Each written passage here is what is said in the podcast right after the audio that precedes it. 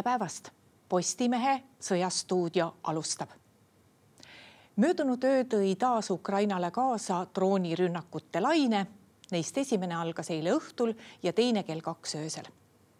meil on stuudios strateegilise kommunikatsiooni ekspert ja Riigikogu liige Peeter Tali, tere päevast. tere päevast äh, vabast Eestist ja kõigile Eesti elanikele siis jätkuvat jõulurahu, et meil on kõik hästi, erinevalt Ukrainast. Ja Ukrainas ei ole hästi, et äh, me nend selle droonirünnaku tagajärgedest väga palju ei tea, ei ole küll kuulda, et midagi väga hullu oleks juhtunud. samas, eks see koormus Ukraina õhukaitsele ikkagi on. Äh, koormus õhu, Ukraina õhukaitsele on suur ja mida siis äh, Venemaa on teinud, et ta ründab kriitilist energiataristut, et jätta ukrainlased pimedasse ja külma, terroriseerib siis äh, rünnakutega suuri linnu, Odessat, sadamataristu, pealinna Kiievit ja üritab tekitada sellist hirmu, et ukrainlased tähistavad esimest korda koos äh, meiega jõule, sest äh, sel aastal otsustas siis Ukraina õigeusu kirik ka üle minna meie aja arvamisele või noh, millega siis kogu vaba maailm on seotud ehk Gregoriani kalendrile. Ja eks venelased tahavad seda pidu ära rikkuda ja ukrainlased siis eh, vastupidi eh, teevad ka venelaste elu kibedaks, aga selles mõttes on nagu Ukraina ja Venemaa sarnased, et neil ei jätku piisavalt nagu mitmekihilist õhukaitset, et ka kaitsta droonide, tiibrakettide, ballistiliste rakettide ja lennukipommide vastu siis äh, kogu oma territooriumi. ukrainlased ründavad siis äh, venelasi ka oma droonidega vastu no vot, eelmine nädal tõi kaasa ühe huvitava uudise, et üldiselt me oleme ju terve selle aasta rääkinud, et ega venelased inimestest ei hooli. aga tehnikast nad peaksid natuke siiski hoolima, sest teatavaid asju ei ole neil ka lõputult käes. ja eelmisel nädalal oli juttu sellest, et äh, venelased on kaotanud vähemalt viis hävitajat. Kuidas seda hinnata? Venelased peavad oma taktika ümber tegema ja eks eks nad teevadki, et mida kuskil suve keskpaigast venelased on üsna edukalt kasutanud, on kasutanud selliseid planeerivaid või juhitavaid siis lennukipomme, äh, pooletonniseid ja pooleteise tonniseid, et äh, lennuk päästab need lahti siis kuskil kuni seitsekümmend, noh isegi lähemalt kuni viiskümmend kilomeetrit äh, sihtmärgist ja siis planeerides seda pommi on võimalik juhtida. Ja siin Ersooni juures, kus ukrainlased on Dnepri idakaldal äh, edenenud äh, väikeste üksustega ja äh, merejalaväega peamiselt, et siis seda merejalaväelased, merejalaväelasi siis venelased pommitavad ja see on siis need pommituslennukid jäävad lühimaa õhutõrjest, jäävad välja, et noh, see lühimaa õhutõrje on, on niimoodi kuppel siis nagu viis kilomeetrit pluss-miinus, õlalt kantavad stingerid, biorunnid ja, ja seda tüüpi asjad. Ja loomulikult ka mürskõhutõrje, mis tõrjub siis koptereid ja nüüd siis ukrainlased ilmselgelt on saanud juurde keskmaa ja pikamaa õhutõrjet ja nad on liigutanud seda äh, lähemale ja siis nad on kätte saanud avalike andmete põhjal äh, Äh, neli venelaste hävituspommitajat äh, Suhhoi kolmkümmend neli ja siis ühe hävitaja, mis kannab ka, äh, võib ka rünnata maa sihtmärk Suhhoi kolmkümmend, et, et see on muidugi venelastele kaotus, pilootide kaotus, aga jällegi, eks neil lennukeid jätkuvalt on järgi mingi sadakond, et Vene õhuvägi ja merevägi ülisuuri kaotusi selles sõjas erinevalt Vene maaväest ei ole siis kandnud, aga jah, lennukid peavad hoidma eemale ja nüüd ukrainlased väga ootavad eh, F kuueteistkümneid, kus väljaõpe juba käib tükk aega, et kui need jõuavad Ukraina taevasse, et siis eh, Vene õhuväge või lennu, lennuvahendeid siis veel eemale suruda, et, et see loogika on, et eh, F kuusteist näeb kaugemale, laseb täpsemalt ja tekitab äh, tõsist mitte ainult peavalu, vaid äh, tõsist muret Vene õhuväele?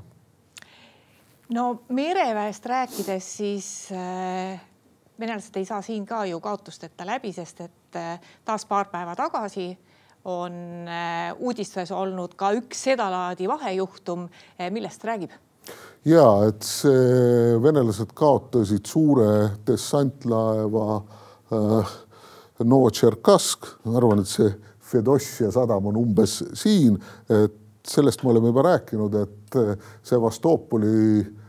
peakorterist ja mereväebaasist on siis ukrainlased välja surunud laevad, mis suudavad kanda kaliiberrakette, et need on siis allveelaevad, fregatid, korvetid ja väiksed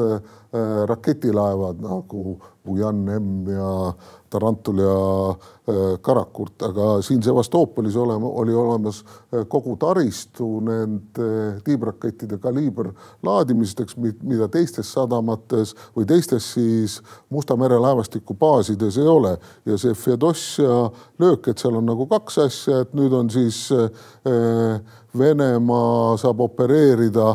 ütleme suhteliselt rahulikumalt Novorossijskist, mis on kuskil siin ma arvan, siin seda peal ei ole, siis eh, siit Aasovi mere juurest, eh, Taganrogi mereväebaasist ja äh, Tuapsest. Ja teine asi, et neid suuri dessantlaevu siis Musta mere laevastikus ülemäära palju ka ei ole, et neid oli seal äh, seitse, et kaks olid vanemad, et NATO siis alligaator või äh, Äh, või siis äh, venelastel oli ta Tapiri klassi äh, laevad ja siis viis uuemat Rosputša klassi laeva, nendest siis kaks on sellises olukorras, mis ei sõida, et ja, ja see tähendab, et varustust, relvastust juurde vedada Krimmi keeruline, raske, järjest raskem. Ja mis on nüüd ukrainlaste taktika, et nad üritavad lüüa Vene lennukeid lennuväljadel, äh, logistikabaase ja nüüd selle laeva peal, et väidetavalt see vedas siis Krimmi äh, droone, šahheetrüpi droone, šahheet sada kolmkümmend kuus, et mille siis äh, ukrainlased selle laeva ära hävitasid, et eh, odavam on droone ja lennukeid hävitada maa peal, et nad ei saa kurja teha, et neid on igas mõttes odavam, odavam hävitada. nii et ukrainlased on ikka väga täpsed eh, see näitab, et nad suudavad hästi tuld juhtida ja et neil on suurepärased eh, luureandmed, et nad pidid teadma, et see laev Fedossias, see Novotšerkask ei ole tühi, et seal on peal droonid või mingi ja, või mingi muu Äh, lahinguvarustus, lahkemoon, laskemoon, et see plahvatus, mis seal oli, oli lihtsalt nii võimas, et, et praegu tundub isegi nii mereväe kaugele inimesele nagu mina, et see laev enam merele mitte kunagi ei lähe, et pigem on ikka tegu allveelaeva tüüpi laevaga, et, et selles mõttes see Musta mere laevastik on üsna kurvas olukorras samas Kaspia merelt nad neid kaliiberrakette ja jõgedelt võivad lasta küll veel. Ja noh, mis on, mis on ka hea asi, et ei maksa ära unustada, et äh, NATO liitlane Türgi kontrollib äh, Dardanelle ja Bosporust ja sealt ei saa venelased endale laevu juurde tuua, et, et Kaspia merest teoreetiliselt saavad, aga noh, miks jälle peaks, et see kaliibri võimekus Äh, tiibrakettide laskmise võimekus on ikkagi pärsitud Vene mereväel, mis on nagu hea asi. ja kui arvestada, et Ukraina mereväel nagu suuri pealvee sõjalaevu ja aluseid ei ole, põhimõtteliselt on ründepaadid, et koostöös Ukraina erioperatsioonide väejuhatuse, äh, sõjaväeluure ja õhuväega no töötavad meisterlikult vaatame korra seda maismaa rindejoont mhm. ka, mis on nüüd küll peaaegu terve aasta paigal olnud, aga siiski liikumisi eh,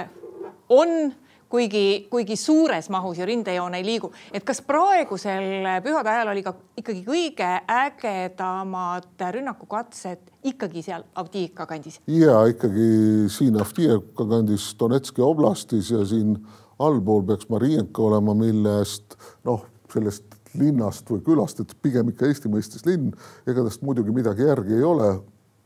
Varemete väli, aga selle on nüüd venelased enam-vähem kontrolli alla võtnud ja siin nad ründavad seda Avdiivkat ehk siis äh, Vene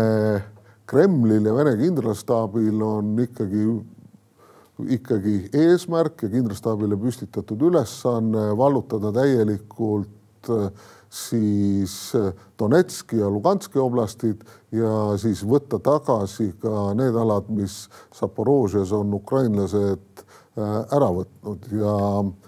ja need venelaste kaotused on äh, tohutud, et kuni tuhat võitlejat päevas, kaheksasada tuhat, noh nii pluss-miinus, aga ka soomustehnika kaotused on suured kümme, viisteist, kakskümmend, kolmkümmend tanki päevas, noh, sõltuvalt päevast, et, et kujutada ette, et äh, Venemaa kaotab päevas pool tankipataljoni või terve pataljoni, et seda on isegi Venemaa jaoks palju. jah, nad suudavad toost, toota tanke, jah, nad suudavad taas, taastada tanke, aga mitte äh, sellises tempos, nagu nad äh, kaotavad muidugi. Ja see surve on suur ja see selle venelaste mõtlemine on nagu niisugune lineaarne, et, et nad on kogu aeg massiga läbi murdnud ja neile tundub, et ukrainlased hakkavad väsima ja nad tahavad uuesti seda, no nad teevad seda, mida nad oskavad, üritavad jällegi äh, massiga läbi murda. ja kui meil olid siin kõigil aasta esimeses pooles ja keskel suured ootused, et äh, ukrainlased panevad klassikalise soomusmanöövri äh, toime või viivad läbi, nagu NATO riigid seda teevad ja, ja murravad siit äh, Tokmak, Melitopol Aasovi mereni ja Krimm kohe kukub, siis kahjuks seda ei juhtunud, kuna ütleme seda varustustehnikat ukrainlastel oli vähe ja neil ei olnud äh, piisavalt õhutoetust, ukrainlastel, nad said mingeid lennukeid juurde, MiG kahtekümmend üheksat äh, põhimõtteliselt ja, ja natukene ka Suhoisid, et kus seda Euroopa liitlasriikides veel järgi on, aga seda kõike, seda kõike oli vähe ja põhimõtteliselt nad kiilusid kinni venelaste kaitsesüsteemides ja nendes massiivsetes miiniväljades, aga jällegi, et noh, kes on süüdi, tagantjärgi targad on kõik, et äh, viienda klassi poiss võib ju ajalooõpikut äh, lugedes öelda, et Hannibalile sealt vanast ajast, et nüüd on küll õige aeg sõjaelevandid käiku lasta. aga noh, eks need põhjused olid, et äh,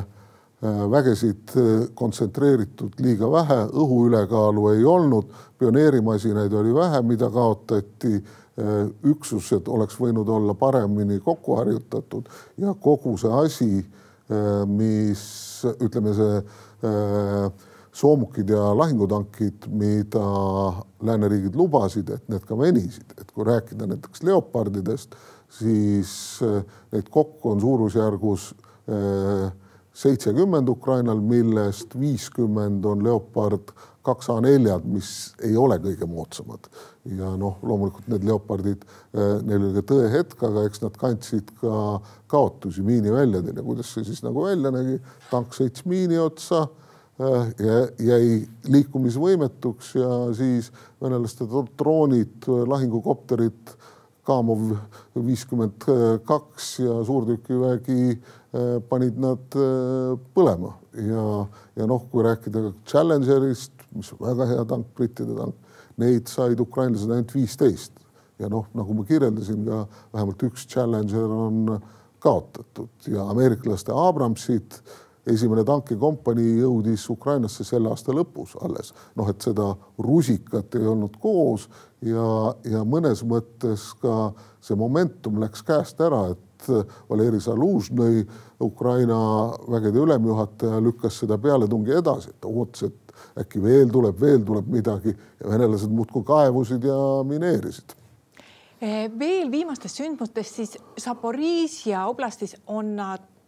venelased suutnud siiski natuke tagasi vallutada neid alasid, mis ukrainlased võtsid suvel tagasi ja vot suvel oli see tagasivõtmine hästi tähtis, sest tänu sellele lõhuti ära mõneti venelaste kaitseliin. praegu see tagasivallutamine, ma ei tea, kas see enam üldse nii väga tähtis on, kuna need maad ei ole ka seal väga suured. no eks ikka on tähtis selles mõttes, et äh, kui sinu käest võetakse midagi ära ja teine võtab ära, et ei saa alahinnata seda äh, moraalitegurit, et kui sa ikka võtad ära, siis on initsiatiiv sinu käes ja kui sa annad ära, siis noh äh,, ütleme niimoodi, et äh, võitled, võitled, aga taganeda on alati halb, et ükskõik, kuidas sa selle mõttega harjud. Ja, ja tõesti, ukrainlased liikusid läbi esimese kaitseliini, aga edasi nad ei jõudnud. noh, siin võib jälle seesama Hannibali näide, et, et tagantjärgi tarkusena võib öelda, et kuhu oleks pidanud noole pöörama, rünnakunoole või, või siis selle raskusjõu kontsentreerima, aga jällegi meil ei ole kogu informatsiooni ja me ei ole kõigi otsuste juures, mida siis Ukraina äh, peastaap äh, on teinud. et no selles mõttes see ei, ei, ei ole hea ja eks ukrainlased on ju sõdinud nüüd mitte kaks aastat, aga tegelikult ju varsti kümme aastat. neljateistkümnendast aastast on sõda käinud ühes, ühe koha peaksime veel üle vaatama ja. siin aasta lõpus. me oleme siin viimastel kuudel rääkinud hästi palju eh, sellest Dnepri vasakkaldast, mille puhul nüüd küll ukrainlased ei ole seal küll edasi liikunud, aga venelased ei ole ka kätte saanud eh, neid piirkondi, kus, mis on ukrainlaste käes. ja, ja, ja et eh, see on siin eh, Hersooni juures, kus need merejalaväelased sõdivad ja nüüd venelased on vedanud sinna, toonud juurde soomusüksuseid ja neile see üliväga ei meeldi, et nad tahaks selle merejalaväe välja suruda, aga ukrainlased võitlevad seal üsna noh, ütleme niisuguses ekstreemsetes tingimustes, et muda, pori ja need pidevad õhurünnakud, et, et see on ukrainlastel väga raske taluda ja kui sind kogu aeg nagu pommitatakse, et see sõduriga psühholoogiliselt noh võitlevad vapralt, moraal on kõrge, aga, aga, aga ikkagi, ikkagi nüristab. Ja, ja nüüd on nagu kogu äh,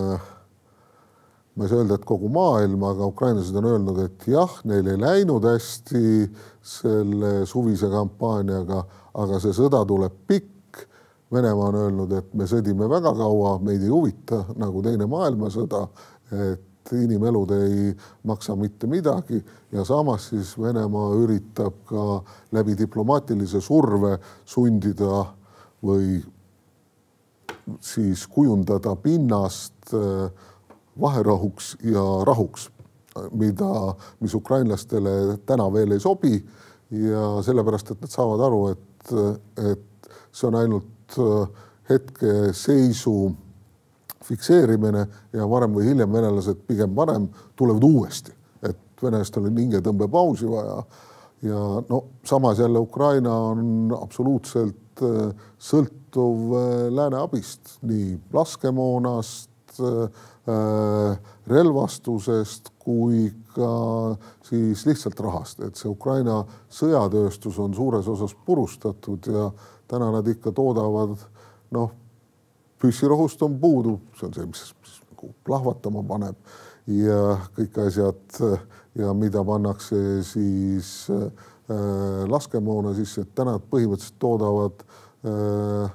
saja kahekümne millimeetrisi miinipilduja miine, et ülejäänud asjad tulevad kõik sisse, kuna sõjas on nende kaitsetööstus purustatud. no ilmselt on Ukrainal vaja juurde ka uusi sõdureid et äh, kaitseväe juhataja ei ole küll ühtegi konkreetset numbrit välja käinud, aga tegelikult on räägitud isegi viiesajast tuhandest. ja on räägitud ja Ukraina ülemraada äh, arutab seda ja noh, demokraatlik riik ja, ja siis ega ülemraada äh, rahvasaadikute arvamused on ka erinevad, aga mõned kaitsekomi-, äh, kaitsekomisjoni liikmed, siis rahvusliku julgeoleku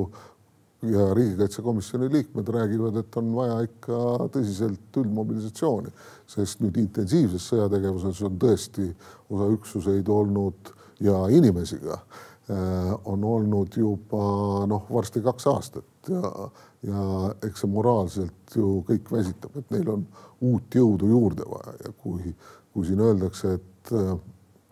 NATO kindralid ja admiralid ütlevad, et, et ülekaal rünnakuks peab olema äh, nii äh, sõjatehnikas, ülekaal õhus, pluss siis äh, viiekordne ülekaal kuni viiekordne. siis ukrainlased, kui need rünnakut alustasid, et neil oli ikka see ülekaal oli niisugune pooleteisekordne, et, et neil isegi nad äh, toimetasid väga edukalt. aga no samas venelased ütlevad ka, et nad tõstavad oma siis äh, sõjaväe isikkoosseisu pooleteise miljoni, ka nemad võtavad juurde ja Venemaal muidugi kulub neid äh, sõdureid kordades rohkem kui Ukrainas, aga ka Ukraina kannab kaotusi, sest rünnata ilma kaotusteta ei ole võimalik. Noh, kuigi see sõda on jälle suures osas ikkagi droonide ja suurtükiväe sõda, aga lõpuks peab ikka sõduri saabas astuma ja võtma selle maatüki ära aitäh, Peeter Tali tulemast Sõjastuudio saatesse. ja aitäh ka teile, et meid vaatasite. see on nüüd küll sellel aastal viimane Postimehe otsestuudio saade, aga uuel aastal oleme jälle eetris